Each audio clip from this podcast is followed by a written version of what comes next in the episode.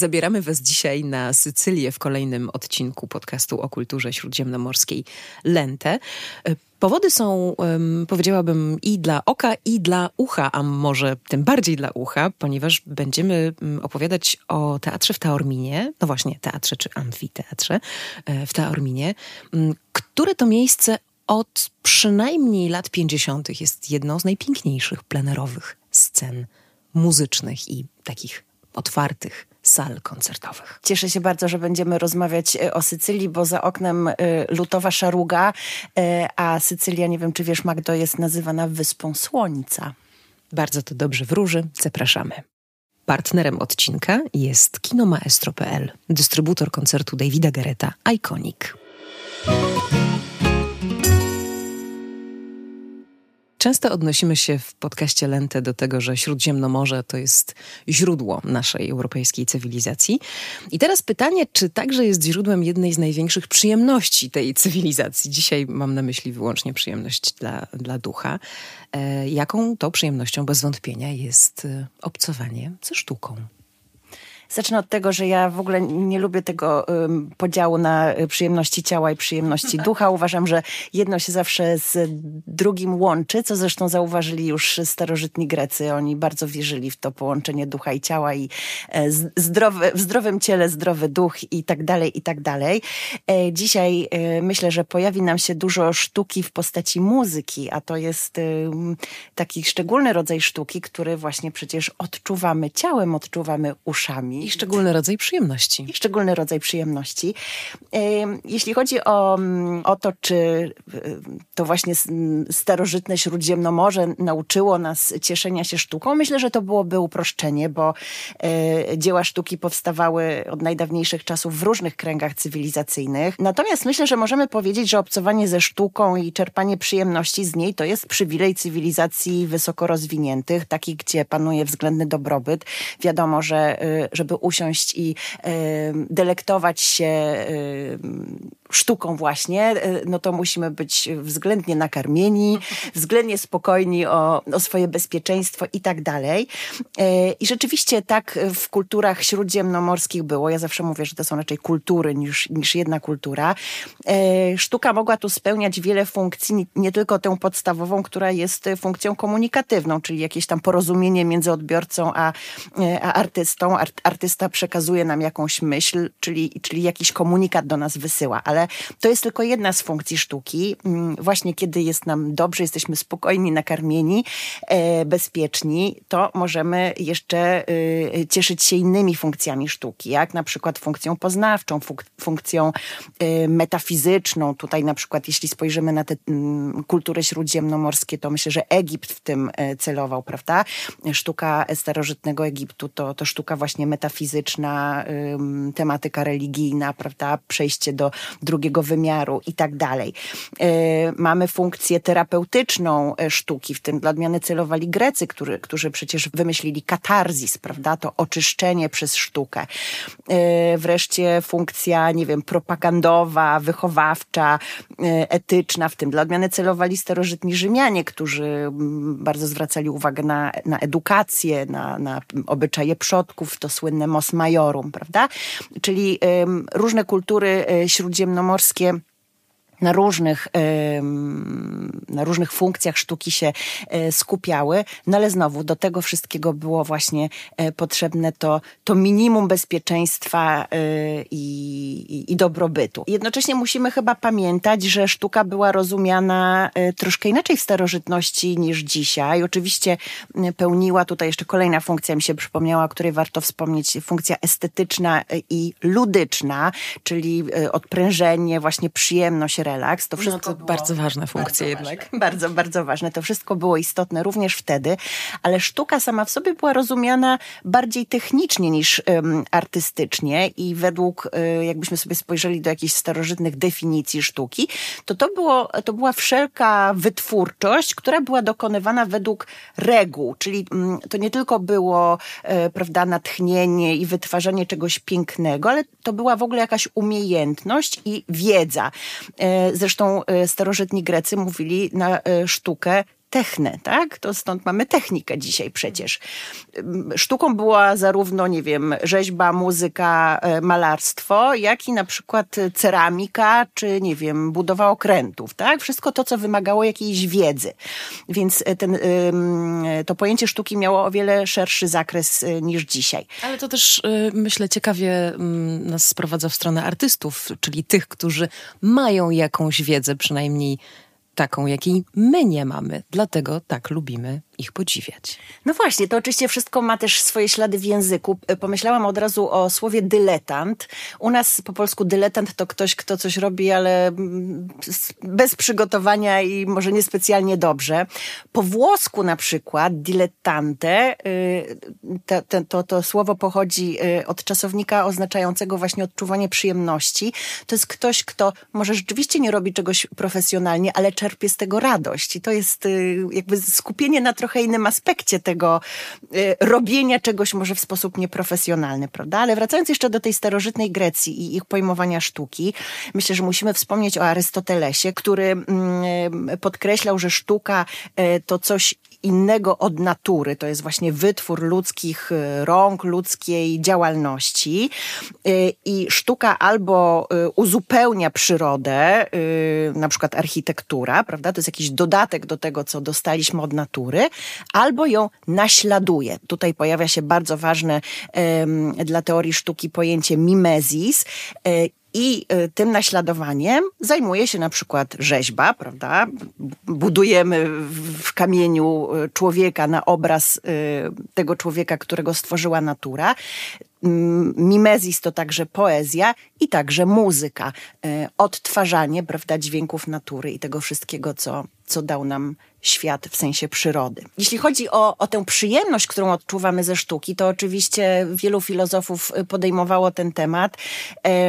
Myślę, że najbliżej mnie jest do, do Epikura, którego warto tutaj wspomnieć. To był filozof, który nakazywał cieszenie się życiem, głównie takim życiem samym w sobie, czyli znowu wszystkim tym, co dała nam natura, e, ale także właśnie sztuką, która wspaniale ją uzupełnia. Po tym e, wstępie ja tylko mam jeszcze ochotę powiedzieć, e, że tę te, te wiedzę i tę przyjemność, e, tę wiedzę od artystów i tę przyjemność, którą oni nam dają, mm, no wspaniale, jeśli uzupełnia, mm, uzupełniają jakieś wyjątkowe okoliczności tak zwanej przyrody. I ten cały śródziemnomorski świat temu mocno sprzyja, bo tych miejsc jest tam bardzo dużo. Wielu uważa, że amfiteatr, teatr w Taorminie jest najpiękniejszy na świecie. To taka mała lista przebojów. Zanim zapytam, czy się z tym zgadzasz, przenieśmy się w ogóle na Sycylię i powiedzmy, co to jest za miejsce, jeśli da się to jakoś tak krótko e, ująć. Co to jest za wyspa? Krótko się nie da. Na ten temat powstają książki i napisano już bardzo wiele, a nadal nie można chyba powiedzieć, że powiedziano już wszystko, bo jest to e, nie tylko największa wyspa na Morzu Śródziemnym, ale z całą pewnością jedna z najbogatszych kulturowo, jeśli nie najbogatsza kulturowo. Wyspa należąca do Włoch, e, oddzielona od Półwyspu Apenińskiego cieśniną mesyńską. E, jak spojrzymy na mapę czy na globus, to ona wygląda jak kopana piłka, bo Półwysep... A to jest ta kopana piłka. Tak, Półwysep apeniński słynny but, prawda? Który kopie piłeczkę, e, co oczywiście Włosi e, bardzo lubią wykorzystywać, opowiadając o tym, że są fanami piłki nożnej, no i mają to we krwi, albo właśnie w mapie. Na temat powstania Sycylii stworzono wiele uroczych legend. Jedna z nich opowiada, że podobno e, Pan Bóg przepracowawszy pełne sześć dni nad stworzeniem świata, siódmego dnia był tak zadowolony ze wszystkiego tego, co, co stworzył, że postanowił ziemię ucałować, wziął ją w obie ręce i dał soczystego buziaka i dokładnie w tym miejscu, w którym y, te boskie usta dotknęły ziemi, powstała Sycylia. No to tylko Włosi mogli wymyślić. Ale jest to urocze, prawda? Aczkolwiek chyba jeszcze bardziej urocza jest, jest druga y, legenda, którą zdam, trochę bardziej przewrotna.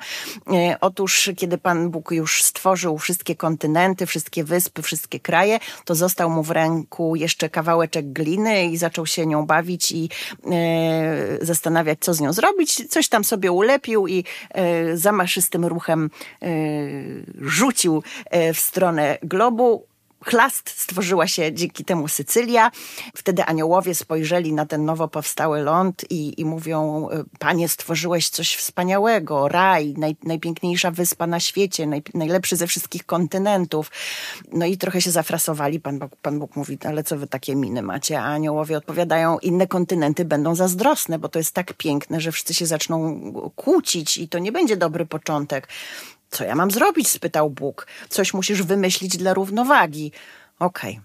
No i wtedy Pan Bóg stworzył Sycylijczyków. Trudny ród, trudny naród. No właśnie, Sycylia i Sycylijczycy mm, to jest bardzo dobry temat y, w ogóle dla nas, y, które rozmawiamy w tym roku o tożsamości, bo jest to wyspa, to już zawsze mm, narzuca jakąś inną perspektywę. Wyspiarze to jest zawsze osobny lud, e, zawsze odłączony w jakiś sposób od, od, od reszty narodu, która y, żyje na, na terra firma, jak to mówią Włosi, czyli na kontynencie. E, Sycylijczycy jeszcze ze względu na swoją niezwykle bogatą historię, bo na tej wyspie łączyły się y, wpływy greckie, arabskie, byli y, Normanowie, byli Francuzi, tam się po prostu mieszało i kotłowało. No czują się po prostu osobną nacją i zawsze podkreślają, że są Sycylijczykami, a, a nie Włochami. Żyją sobie na tej wyspie, która jest y, bardzo charakterystyczna także właśnie w swoim kształcie, wracając tutaj do tego spojrzenia na globus, bo ma kształt trójkąta i rzeczywiście w starożytności, zresztą dzisiaj nadal po włosku, e, mówi się na nią trinakria, Wyspa, tak jak powiedziałam, o przebogatej historii, która już e, pojawia się w, w legendach, w mitach starożytnych, bo podobno sam Odyseusz e, podczas swojej e, tułaczki postawił na niej stopę po przeprawie między Scylą a Charybdą, czyli właśnie cieśniną mesyńską. Jest to państwo samo w sobie, chociaż do Włoch należy administracyjnie. Mhm. Sycylijczycy mówią, że są Syciliani, to nie Włochy, tylko Sycylia. Najpiękniejsze i najlepsze e, miejsce na świecie. E, no a oczywiście w pewnym skrócie i pewnym, w pewnym uproszczeniu, jest to tak naprawdę wyspa grecka. E, nadal panuje na niej w pewnym sensie heleńska atmosfera i zaraz sobie zobaczymy, jak, jak to się przejawia. Aczkolwiek Sycylijczycy rzeczywiście, nawet jak się na nich spojrzy, to bardziej przywodzą chyba na myśl Greków niż, niż mieszkańcy jakiegokolwiek innego regionu Włoch. E, Sycylia była e, przez wieki wyspą wchodzącą w skład tak zwanej Wielkiej Grecji. Magna Grecia, na to się mówi dzisiaj po włosku, od Magna Grecja, e, czyli właśnie Wielka Grecja. Stanowiła zawsze szczególny obiekt zainteresowania ze strony greckich kolonizatorów. No i tych greckich śladów na wyspie jest, jest e, cała, cała, cała masa. Oczywiście mówimy głównie o tych starożytnych e, zabytkach, o, o ruinach, o świątyniach.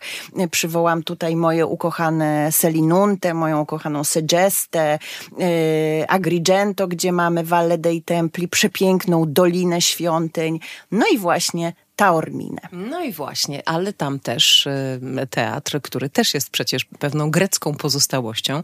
My dzisiaj myśląc y, ciepło o artystach, y, którzy tam występują w najbliższych mm, tygodniach od momentu premiery tego odcinka będziecie mogli oglądać na dużym ekranie Davida Gareta, wspaniałego skrzypka i Mateo Bocelliego, któremu mm, w tym widowisku towarzyszy właśnie z teatrów Taorminie to jest dobry moment, aby zapytać, czy teatr, czy amfiteatr i skąd się w ogóle wzięło to pojęcie amfiteatru, amfiteatru. My dzisiaj używamy tego słowa bardzo często w odniesieniu nie tylko do mm, starożytnych e, zabytków. Amfiteatr w Taorminie y, jest właśnie takim greckim śladem na włoskiej Sycylii. Y, no i właśnie, żeby było ciekawiej, grecka wyspa we Włoszech, amfiteatr, który nie jest amfiteatrem.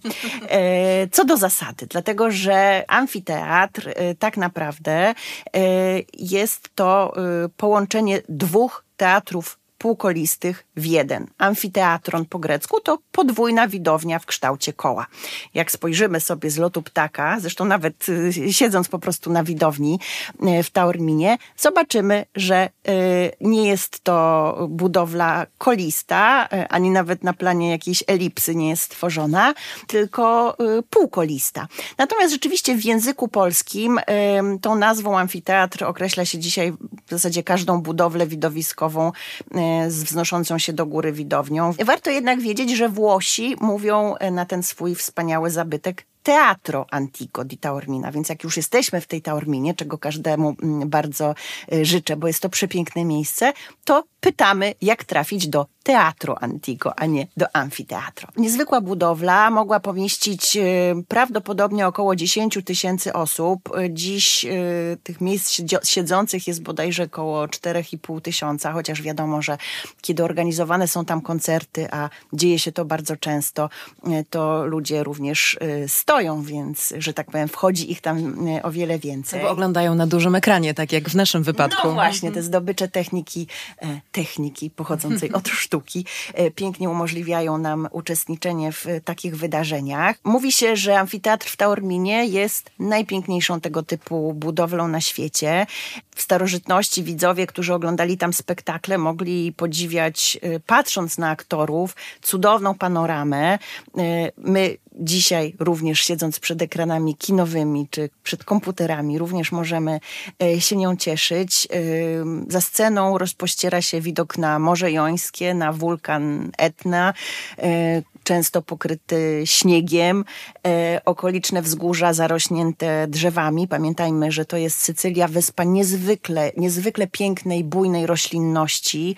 E, szczególnie właśnie mam wrażenie w Taorminie, w tej okolicy jest to, jest to widoczne. E, roślinność bardzo barwna, pełna soczystych, soczystych barw. Nad tym aktywnym wulkanem często unosi się jeszcze chmura dymu no, jest to połączenie niezwykłe właśnie. Śnieg, dym, morze, e, lazurowe niebo, wszystkie żywioły w jednym i, i cudowne barwy. Myślę, że to natura po prostu stworzyła taką scenografię i żaden architekt nie byłby w stanie e, jakoś tego zrobić lepiej. E, zacytuję Jarosława Iwaszkiewicza z książki o Sycylii. Kiedy słyszę słowo Taormina, oczami wyobraźni widzę wysokie wzgórze, nisko rozłożone, jedwabiste morze, w blasku słońca, roztapiającą się jak kryształ Etnę i w końcu całą czarodziejską scenerię grecko-rzymskiego teatru. Jest to jedyna taka scenografia na świecie. A ja też sobie pomyślałam, to jest nieprawdopodobne, że, że to miejsce ma no ponad 2300, 2300 lat. To jest, y, y, to jest taka część historii y, wciąż żywa, bo wciąż w użytku na tym polega, myślę, czar y, Śródziemnomorza, że ta starożytność i bardzo dawne czasy y, współistnieją i dalej funkcjonują, dalej są żywe wraz z naszą codziennością, prawda? I w naszej codzienności funkcjonują. Chociaż znowu muszę tutaj odrobinę y, uściślić. My, my mówimy, że to jest amfiteatr grecki, Włosi mówią, że to jest starożytny teatr i tak naprawdę oni znowu są bliżej prawdy, ponieważ y, jakkolwiek obiekt ten nazywany jest teatrem greckim, y, to, mm, to nie jest to do końca prawda. Rzeczywiście pierwszy teatr stanął w tym miejscu w III wieku przed naszą erą. Y, jednak w wieku II został gruntownie mm, przebudowany przez Rzymian. Tak jak mówiłam, e, panowanie nad wyspą przechodziło z rąk do rąk. Y, byli Grecy, potem byli Rzymianie. I dzisiaj podziwiamy tak naprawdę rzymską konstrukcję, e, co nie zmienia faktu, że jest ona nadal przepiękna, e, albo inaczej, przepiękne jest to otoczenie. Ten amfiteatr wtapia się w naturę, więc znowu tu wracamy do tego mimezis i tego naśladowania i, i bycia częścią natury. E, z tego e, stareńkiego teatru, bo czy on ma 2300 czy 2200, to, to ciągle jest to imponująca, imponujący wiek. E, przetrwało całkiem dużo. Niektóre trybuny, budynki sceniczne, portyki. Oczywiście jak to we Włoszech i w ogóle na świecie bywa, niestety niestety część konstrukcji e, została e, na przestrzeni wieków rozebrana, wykorzystywana była jako materiał e, budowlany do wznoszenia nowych pałaców, kościołów w mieście. Co z jednej strony jest, jest świętokradztwem, jest straszne, z drugiej strony ja sobie zawsze myślę, że oznacza, że jak krążymy po tym przepięknym miejscu, przepięknym miasteczku, którym jest Taormina, to y, widzimy ułamki tego teatru w różnych budynkach. Jest on tak naprawdę w pewnym sensie rozsiany, prawda, po całym mieście i, i na każdym kroku nam, e, nam towarzyszy. Ty słusznie powiedziałaś na samym początku e, naszej rozmowy, że e, amfiteatr w Taorminie wrócił do użytku w latach 50. XX wieku, bo rzeczywiście w 55 roku bodajże otwarto go ponownie dla publiczności. W wiekach wcześniejszych, ale już w erze nowożytnej, no była to taka romantyczna ruina porośnięta dziką roślinnością. Tu się coś usypywało, tu coś y, się rozpadało nad tym wszystkim, prawda, bluszcz i, i kaktusy, mm, co oczywiście także miało swój urok i na przykład młodzi arystokraci, którzy w XVIII i XIX wieku odbywali Grand Tour, czyli tę swoją wielką wyprawę po Europie, uważali Taorminę za miejsce, które w czasie podróży do Włoch trzeba absolutnie, koniecznie odwiedzić. Słynny francuski pisarz de Maupassant stwierdził, że jeśli ktoś będzie mógł spędzić tylko jeden dzień na Sycylii e, i spytałby się, co trzeba zobaczyć, to e, to właśnie odpowiedź bez zastanowienia jest jedna, Taormina. Amfiteatr w Taorminie dzisiaj żyje naprawdę. Wręcza się tam e, wiele prestiżowych nagród, chociażby nagrodę filmową Dawid Di Donatello. Tak, no bo jest tam przecież słynny festiwal e, filmowy. E, tak, Taormina Film Fest, rzeczywiście. Tam, tam ma swoją siedzibę. Kręci się tam filmy. Woody Allen nakręcił tam jej wysokość Afrodytę. No, no i w drugim sezonie niezwykle popularnego serialu Biały Lotos. Wiem, że ty jeszcze masz przed sobą tę ogromną przyjemność, bo Biały Lotos to zrobi coś takiego, że ludzie natychmiast chcą podróżować do miejsc, które są przedstawione w tym e, serialu e, i teatr, amfiteatr e, w Taorminie również mm, w, tym, w tej serii mm, sycylijskiej zagrał. Wiesz co, mnie też zachwyca takie mm, połączenie właśnie tej niezwykłej przyrody, takiego arcydzieła przyrody, arcydzieła architektury, tej starożytności z kulturą popularną. Tu wspomniałaś już o serialu serialu. E, ja sobie myślę o tych koncertach rockowych, które tam są organizowane, bo organizuje się oczywiście koncerty muzyki klasycznej e, i, i bardzo wyrafinowane koncerty, ale jest też tam kultura popularna obecna. Tak, I... śpiewali tam i Bob Dylan, i Elton John, i Sting. E, Eros Ramazzotti, tak. moja droga, prawda? Tuż obok ma swoją posiadłość Mick Hacknell z grupy Simply Red, który no właśnie okazjonalnie tam koncertuje, a na zboczach Etny e, uprawia winorośl i wyrabia wino. Także niektórzy wybierają sobie tę okolicę w ogóle na, na swoje miejsce do, do życia, czy część życia, bo tak, tak ich zachwyca. Także, także jest to miejsce, które, które tego życia jest pełne. Wspomniałaś e, o artystach rockowych i o artystach klasycznych, e, którzy właściwie wymieniają się tą sceną w Taorminie.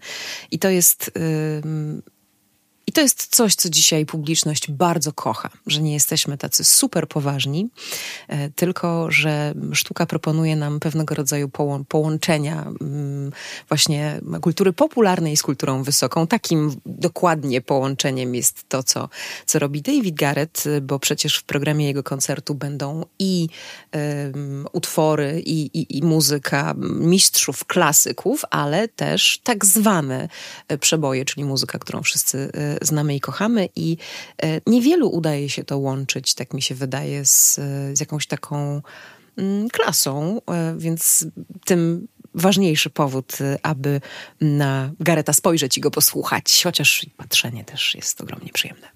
Wiesz, co mnie tak jeszcze przyszło do głowy, że ten koncert Gareta, e, o którym mówimy i który będzie można oglądać e, na polskich ekranach lada dzień, e, nosi tytuł Iconic, czyli, prawda, ikony. Ikona to po grecku obraz, ale wiadomo, że tutaj odwołujemy się do jakichś legend, do arcydzieł muzyki. Arcydzieła mogą powstawać w bardzo różnych kategoriach. Ja myślę, że to właśnie starożytni Grecy doskonale rozumieli, uważając za sztukę bardzo różne dziedziny, tak malarstwo i, i rzeźbę, prawda, największych artystów, jak właśnie lepienie garnków czy, czy, czy budowę zbroi, prawda?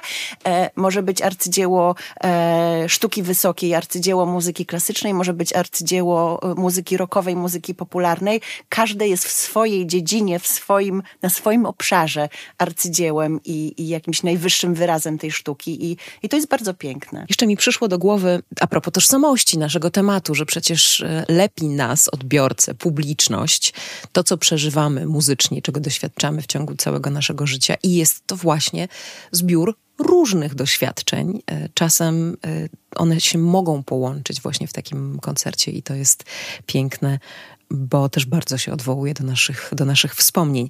I na koniec chciałabym jeszcze zapytać Cię o, o ten fenomen muzykowania na zewnątrz. Skoro jesteśmy w tym odcinku mm, we Włoszech, to jest to domena Włochów.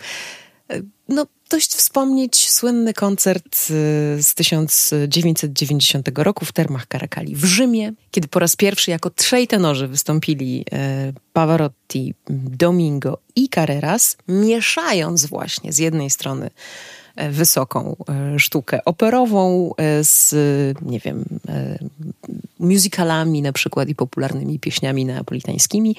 Mm, od tego koncertu zaczęła się ich sława właśnie e, pod tym hasłem trzej tenorzy, co, co do dzisiaj wspominamy z czułością i wielu też próbuje, e, próbuje mm, powtórzyć, próbuje, próbuje zrobić raz jeszcze. Ale przecież w Taorminie, w amfiteatrze też jesteśmy na zewnątrz.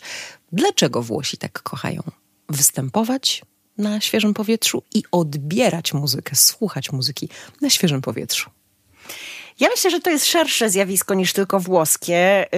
W ogóle nacje śródziemnomorskie mają muzykę we krwi i lubią przebywać na świeżym powietrzu ze względu na bardzo sprzyjający temu e, klimat.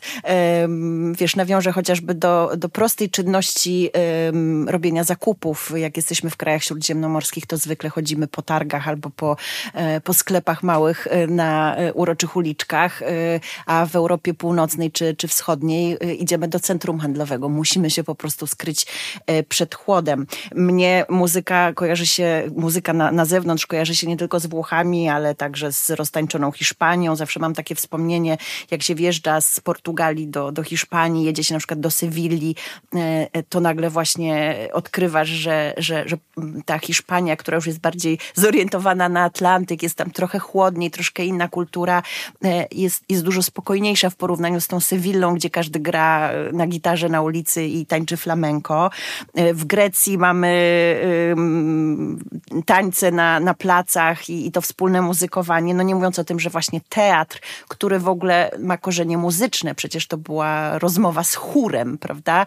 E, teatr to jest, to jest grecki wynalazek. To wszystko zawsze e, toczyło się na zewnątrz. Starożytni w ogóle wymyślili szereg konstrukcji których można oddawać się słuchaniu muzyki, bo poza amfiteatrem wymyślili także Odeon na przykład, chociaż y, ta budowla przeznaczona na występy muzyczne i teatralne jest przykryta ze względów akustycznych dachem, no ale także jest to, jest to specjalnie właśnie do, do tego celu, do słuchania muzyki i, i występów rozmaitych przeznaczone miejsce. Natomiast wracając do, do muzykowania y, na zewnątrz, zewnątrz. E, no w ogóle do tego są stworzone śródziemnomorskie place. Mamy cały odcinek podcastu wakacyjnego z zeszłego roku poświęconego placom. E, ta włoska piazza oczywiście wywodzi się bezpośrednio z rzymskiego forum. E, no i to było takie miejsce, gdzie po prostu kipiało życie. Tam się działo wszystko. Tam kwitła sprzedaż, tam kwitło życie polityczne, tam każdy szedł się pokazać. No i każdy również szedł e, posłuchać, nowości ze świata, ale także właśnie posłuchać czy obejrzeć e, jakieś występy. W ogóle samo słowo koncert e, pochodzi oczywiście z łaciny i e, oznacza współzawodnictwo, jakąś walkę. To, to kon na początku pokazuje, że robimy to z kimś, tak? Czyli przed kimś i w porównaniu z kimś chcemy pokazać, jak świetnie nam coś wychodzi. Jesteśmy w czymś dobrzy. No i oczywiście w domyśle czerpiemy czerpiemy z tego e, również e, przyjemność. Włosi mają jeszcze jedną cechę, o której myślę, że warto tutaj wspomnieć. Rozszerzymy to mm, w jednym z najbliższych odcinków podcastu, mówiąc o włoskiej tożsamości. Mm, mianowicie taką silną potrzebę czegoś, co oni nazywają fare la bella figura, czyli um, um, dobrze wypadać, pokazywać się właśnie od dobrej strony, e, to pokazywanie się, oni na to mówią ezibirsi, co oznacza także obnażanie się, e, jest bardzo zakorzenione w, we, włoskiej, we włoskiej kulturze. Oni po prostu lubią pokazywać się od dobrej strony. Jeśli ktoś e, uważa, że, że dobrze muzykuje, że ma coś do przekazania swoją sztuką, to robi to bardzo chętnie. No a my z tego korzystamy, czyli sytuacja win-win. Po tym odcinku część z Was być może kupuje bilety już na Sycylię. Pamiętajcie też, że podróż jest możliwa w kinie, czy w kinach w całej Polsce, a więcej śródziemnomorskich treści znajdziecie na stronie Lente, na Facebooku i na Instagramie, dokąd serdecznie zapraszamy. Dziękujemy i do usłyszenia za dwa tygodnie. Do usłyszenia, dziękuję. Partnerem odcinka jest kinomaestro.pl, dystrybutor koncertu Davida Gareta Iconic.